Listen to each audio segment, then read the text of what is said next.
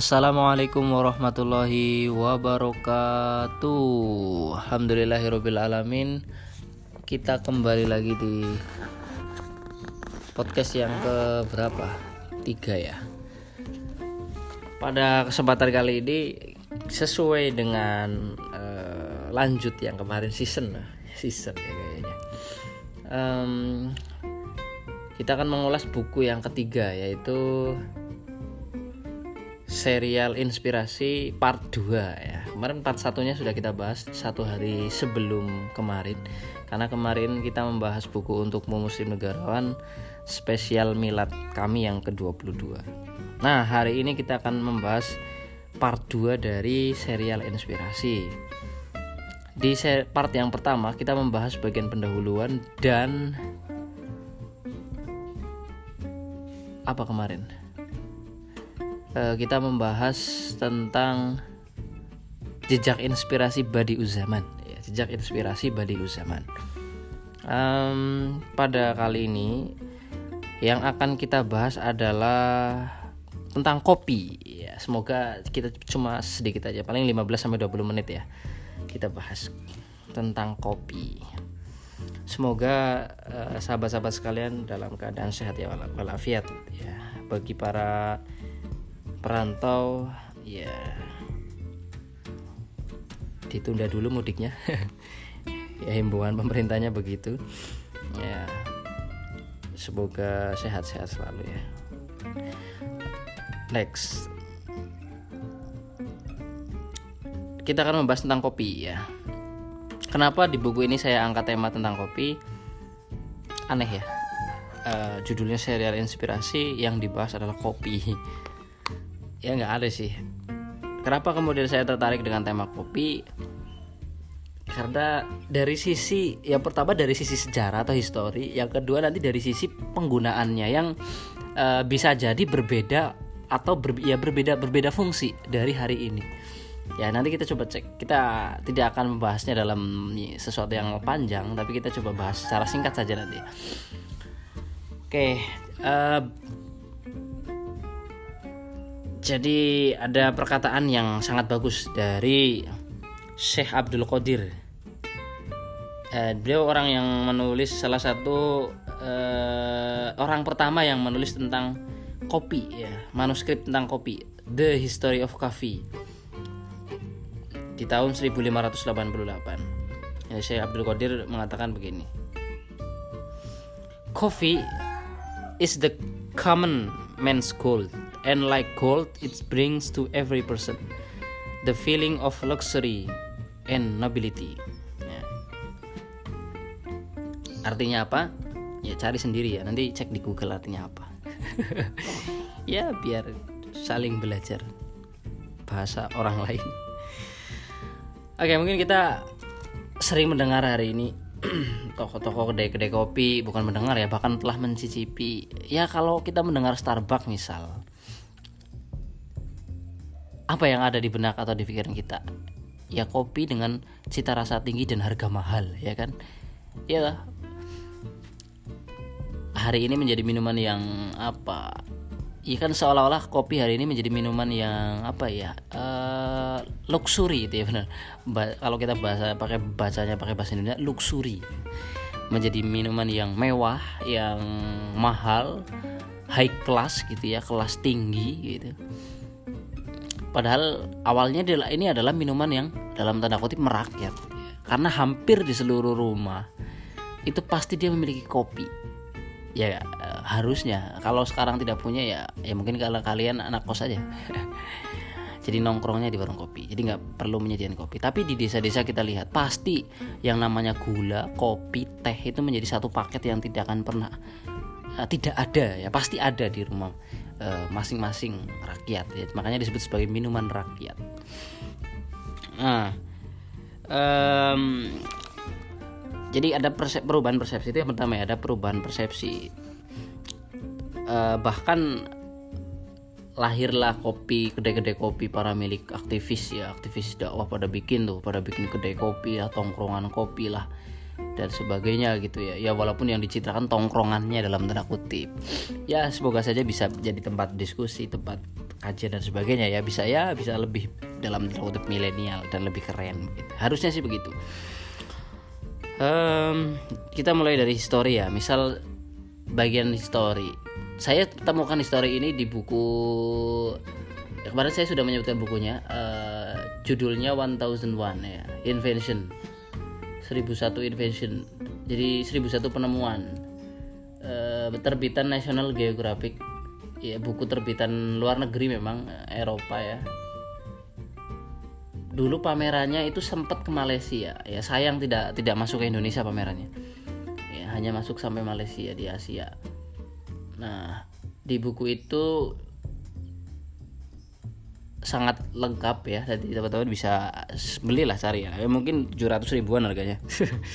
Karena dolar yang sedang berjibaku dan bersimbah darah.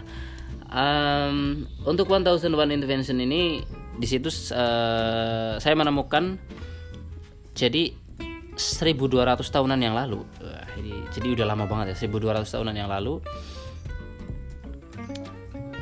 para pekerja, para ulama, para sufi ya itu mereka ingin terjaga lebih lama ya terjaga itu maksudnya nggak tidur biar lebih semangat gitu ya nah jadi diawali dari seorang yang bernama Khalid ya. Nah, ternyata yang menemukan itu Khalid.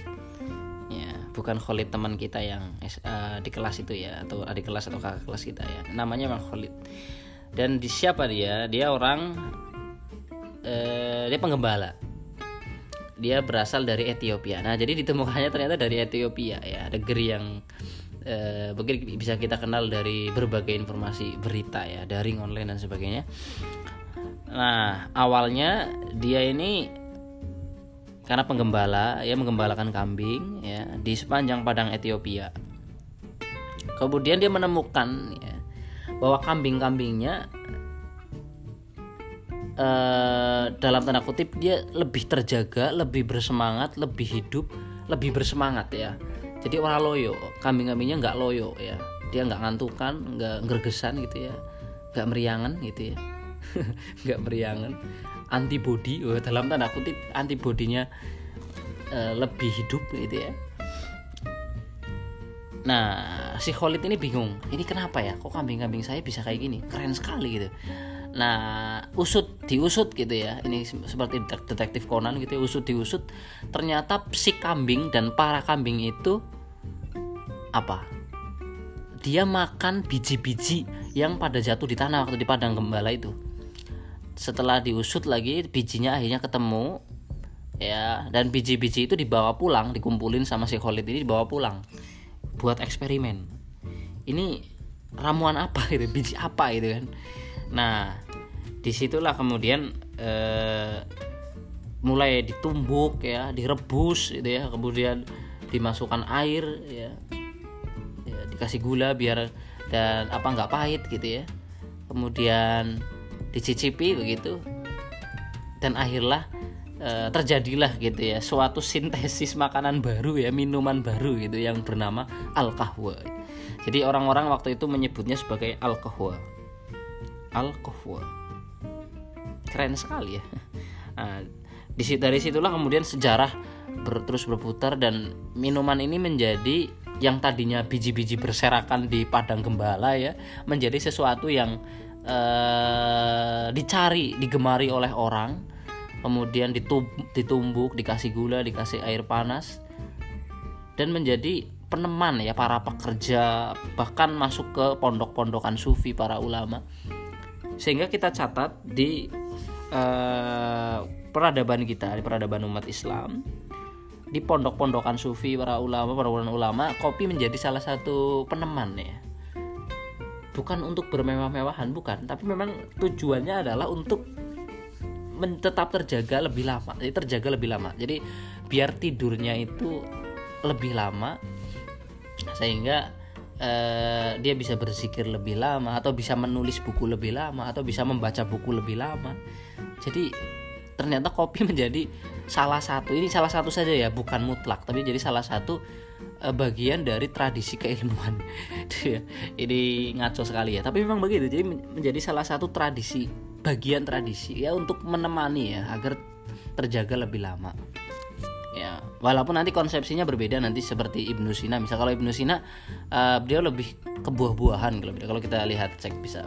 Beliau itu lebih ke buah-buahan jadi ketika untuk ketika misal menulis membaca sudah sangat lelah ngantuk dan sebagainya yang beliau lakukan adalah makan buah-buahan sebanyak-banyaknya gitu. Kira-kira gitulah. Nah mungkin memang ada berbeda perbedaan masa dan perbedaan ini ya apa sejarah ya, ya wajar lah dan kebanyakan kopi ini masuk di pondok-pondokan sufi ya pondok-pondokan ulama dan kaum kaum pekerja. Ya buruh ya, kaum buruh.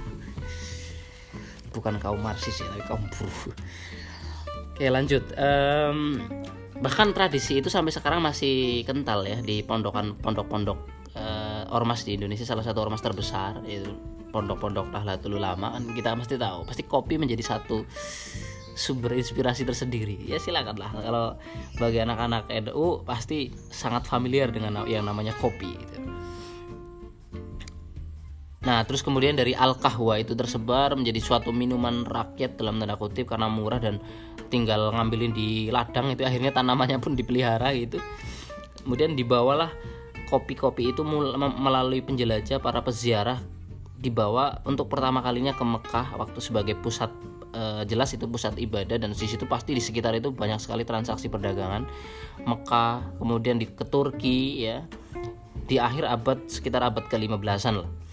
Dan mencapai ke Kairo ya itu sekitar abad ke-16 Nah, akhirnya di, di, di karena namanya al kahwa ya mungkin karena perbedaan kosakata kemudian di Turki disebut cafe kemudian di Eropa nanti disebut misal di Italia disebut cafe di kalau di bahasa Inggris coffee ya, ya nanti di Indonesia jadi kopi. Ya, jadi F menjadi P ya. Saya nggak tahu itu ya mungkin ada ada ada ilmunya sendiri ya untuk mempelajari uh, bahasa gitu perubahan bahasa itu. Nah dari di, dari situ ketika puncaknya ketika masa Turki Utsmani kan ketika itu masuk ke perada jelas ya Mekah Turki itu kan menjadi satu pusat perdagangan.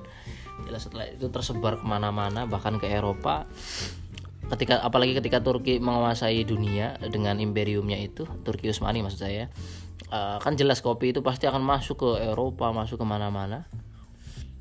Di situlah nanti kita tercatat ya uh, di London itu di masa sekitar tahun 1700-an itu sampai ada 500 warung kopi di London dan hampir total 3000-an di Inggris itu di Inggris sendiri ada sekitar 3000 warung kopi. Bayangkan itu kan luar biasa ya. Luar biasa perkembangannya gitu. dan orang-orang pekerja selesai selepas pekerja lelah dan sebagainya para buruh itu mereka masuk ke warung kopi. Nah, sejarahnya begitu. Hingga nanti bahkan hari ini kopi ini menjadi minuman mewah. Nggak tahu itu sejarahnya seperti apa ya. Bisa tiba-tiba bisa menjadi dari minuman rakyat menjadi minuman yang mewah. Uh, dengan hanya dengan perbedaan meraciknya ya. Jadi saat kopinya sama-sama kopi bijinya biji-biji sama-sama biji kopi tetapi karena meraciknya berbeda harganya pun berbeda. Ya ini persoalan marketing lah ya persoalan bisnis ya. saya kira bagi kalian yang bergelut di dunia bisnis pasti sangat paham dengan konsep itu ya jadi ada penambahan benefit ada penambahan value ada penambahan high class ada penambahan sosial strata sosialnya ada penambahan ya. Bagian dari marketing aja itu. Nah kemudian kita lanjut ya kembali lagi ke tema kita.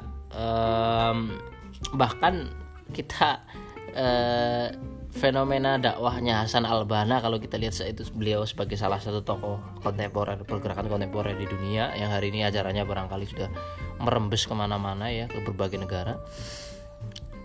Bahkan beliau ini memulai dakwahnya itu dari warung-warung kopi.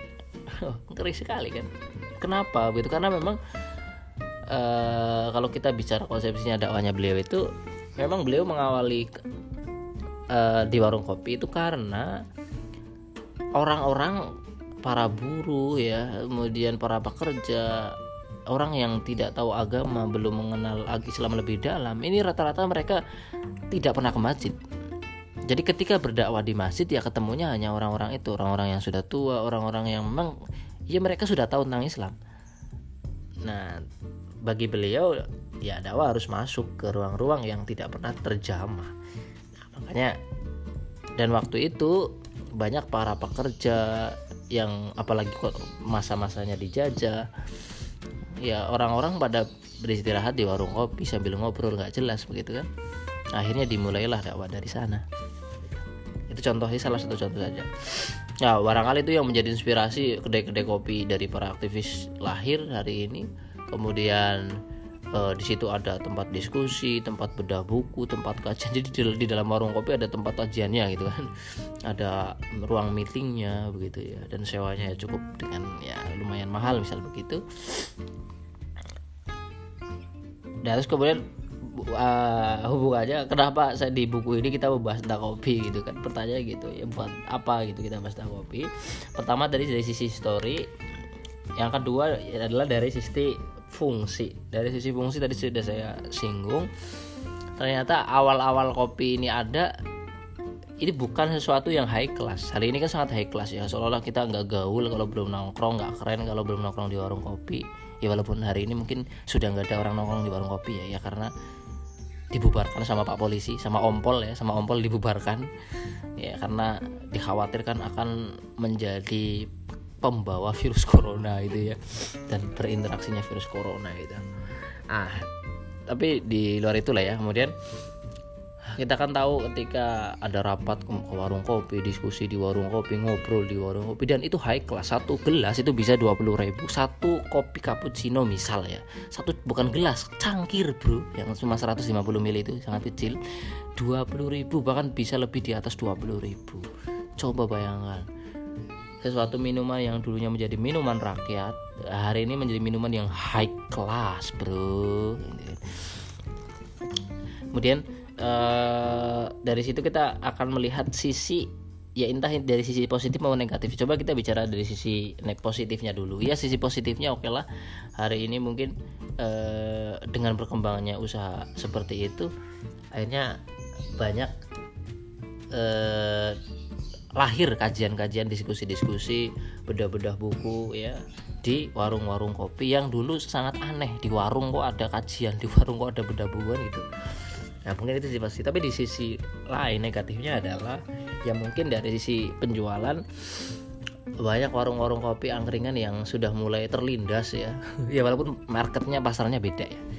Terus kemudian yang kedua jelas secara histori akan sangat berbeda dalam sisi fungsi.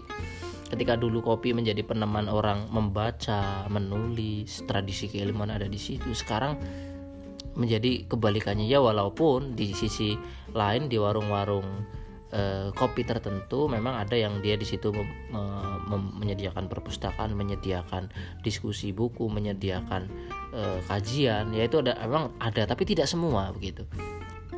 Uh, jadi bisa dipahami ada satu perubahan uh, bagian dari tradisi ilmuwan yang yang hilang. Ya barangkali kalau kalian semua pengen mencontoh itu ya silahkan dalam arti misal membaca buku untuk menemani membaca untuk menemani menulis dengan menyanding kopi gitu ya. Ya jika jika memang suka kopi. Tapi walaupun ada satu pesan yang menggelitik ya saran pesan yang baik dari Hasan Albana kalau kata beliau jangan kita ya hindari kopi ya jangan ngopi gitu. Karena tidak baik untuk kesehatan.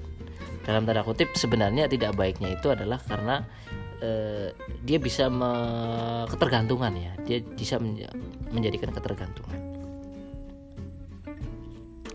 Jadi menjadi kebiasaan lah sebenarnya. Istilahnya lebih ke kebiasaan ya. Mungkin karena misal tiap pagi ngopi jadi kalau nggak ngopi kan rasanya kayak gimana gitu kan. Ya, dan sebagainya ya itu silakan silakan. Itu pendapat yang sah sah saja. Mau minum atau tidak juga tidak masalah. Ya. Kemudian itu jadi yang pertama tadi apa? Dari story yang kedua dari sisi fungsi. Ya. Dan ibro yang bisa kita ambil yang ketiga adalah di, di sisi tradisi keilmuan. Kita bisa melihat bahwa tradisi keilmuan waktu itu ditahan-tahan untuk melek ya seseorang untuk menulis buku untuk membaca mengkaji satu buku itu benar-benar suntuk semalaman suntuk. Ya. ketika dia sudah capek dia istirahat ataupun makan buah atau makan atau minum kopi ataupun tidur sejenak begitu. Setelah itu bangun langsung lagi. Itu aktivitasnya begitu terus. Siang bekerja setelah itu mengkaji lagi terus begitu. Sejarah imam empat mazhab misal kita lihat uh, salah seorang misal Imam Malik ya dengan usahanya dengan bisnisnya itu. Walaupun beliau bisnis tapi tetap mencari ilmu bahkan masih sempat mengajar. Itu kan luar biasa. Kemudian apa lagi? Uh, itu ya dari sisi apa namanya? Ya hikmah yang bisa kita ambil. Dari sisi literasi dari sisi diskusi dari sisi membaca dari sisi menulis coba bayangkan hari ini banyak yang ke warung kopi minum kopi beli kopi sangat mahal tapi berbanding lurus nggak dengan tradisi membacanya tradisi menulisnya ya kan? Ya itu bisa jadi refleksi bagi diri kita sendiri lah sebagai seorang muslim ya bagaimana kehidupan tradisi-tradisi keilmuan oleh ulama dan ilmuwan muslim terdahulu kan seperti itu. Kita lihat uh, siapa misal? Ibnu siapa? Yang uh, membalas kitabnya Al Ghazali itu Tahafut Al Falsafah Tahafut Al Tahafut uh, ya Allah saya lupa sendiri. Ibnu Rus ya Ibnu Rus Ibnu Rus sendiri itu dalam satu sejarah biografinya beliau beliau hanya ada dua waktu beliau itu nggak menulis ya dan membaca nggak menulis buku ya atau membaca. Yaitu ketika ayahnya meninggal ya, ya sama ketika malam pertama ya ya kasihan istrinya nanti. Kan gitu. Ngeri sekali. Itulah salah satu contoh semangat semangatnya uh, para ulama para ilmuwan muslim terdahulu. Yang saya kira perlu kita contoh lah kita teladani. Apalagi di masa-masa seperti ini covid di mana banyak orang mulai stay home nggak keluar rumah kecuali yang memang dia punya pekerjaannya kayak saya. Saya masih keluar rumah eh keluar rumah ya. Hampir tiap hari saya keluar ya karena saya masih ngurusi bisnis ya usaha masih ngurusi buku perbukuan penerbitan percetakan dodolan ngirim-ngirim ya, dan sebagainya. Sehingga saya masih keluar. Ya bagi yang nggak keluar bersyukur. Silakan manfaatin waktu dengan baik ya, dengan membaca buku menulis ya posting dengan postingan yang baik ya dan menenteramkan ya. Itu ya jadi itu beberapa hal yang saya catat. Sebenarnya sangat banyak saya sebutkan beberapa contoh ulama-ulama ataupun proses-proses hikmah yang lain seperti ada tarbiyah zati ya konsepsi pengkajian konsepsi dakwah albana waktu itu. Kemudian eh, beberapa pembahasan tentang eh, kejujuran. Loh apa hubungannya kopi dengan kejujuran? Saya tuliskan di buku ini. Jadi kopi itu kan kalau filosofinya itu jujur ya saya saya melihat kopi itu jujur kenapa karena setiap kopi itu ditanam di tanah yang berbeda, di kondisi tanah yang berbeda, di daerah yang berbeda misal, pasti hasil kopinya akan berbeda, rasanya khususnya. Dia akan jujur terhadap lingkungannya. Misal kandungan uh, asamnya seperti apa, kandungan tanahnya seperti apa. Misal kopinya nanti jadi lebih asam, ada yang kopinya lebih pahit, ada yang kopinya kecut gitu ya, kan beda-beda. Di Indonesia saja kita mengenal kopi Aceh kopi Gayo kopi yang kalau di Jawa itu kan kopinya biasanya pahit ya. Kalau di Gayo itu kan lebih kecut-kecut gimana?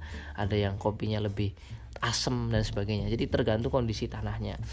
Dan ini kan bukti bahwa kopi itu sangat menyerap terhadap lingkungannya terhadap kejujuran kejujurannya kopi itu. Nah, saya juga bahas tentang filosofi kejujurannya itu. Karena eh, saya menyinggung di situ misal kayak uh, teorinya Copernicus ya di situ juga saya bahas tentang teori Copernicus. Ini hubungannya apa sama kopi? Yes dengan kita hubung-hubungkan saja dengan berbagai uh, apa tadi filosofinya dan hikmahnya. Ketika Copernicus membicarakan teori heliosentris matahari eh matahari bumi bergerak mengelilingi matahari dan sebagainya sebenarnya ternyata jauh-jauh hari jauh-jauh tahun-tahun beratus berpuluh-puluh beratus-ratus tahun sebelumnya Ibnu Asyatir sudah sudah mencetuskan teori itu.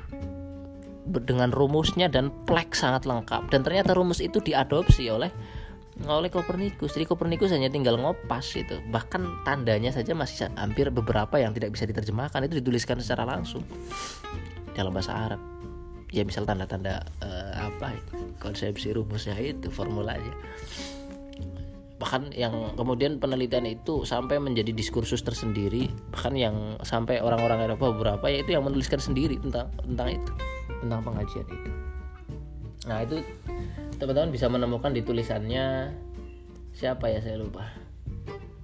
Uh, ini aja. Uh, cari aja buku yang berjudul Islamic Science paradigma fakta dan agenda. Ya itu itu kumpulan itu sebenarnya kumpulan makalah ya tapi cari aja judul bukunya Islamic Science Paradigma Fakta dan Agenda. Saya kalau tidak salah saya menemukan konsepsi makalah tentang itu di situ.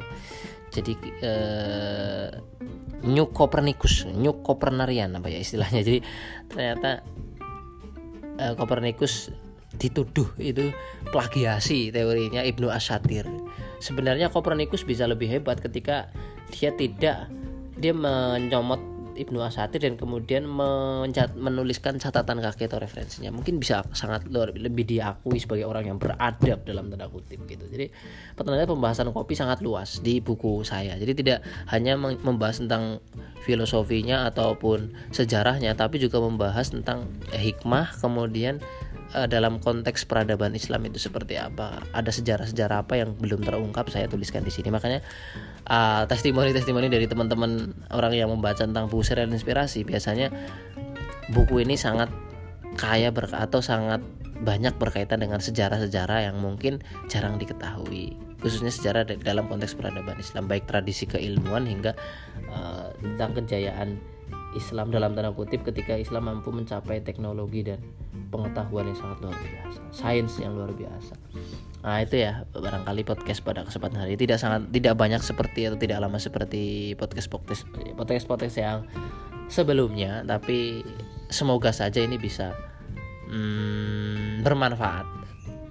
Silakan saja selengkapnya karena saya tidak mau saya jujur saya tidak mengulas semuanya. Silakan baca saja di bukunya yang berjudul Serial Inspirasi. Bukunya masih ada 1 2 3 4 5 6 7 8 9. Masih ada sekitar 9 eksemplar ya karena saya saya ngomong ini di depan lemari buku ya.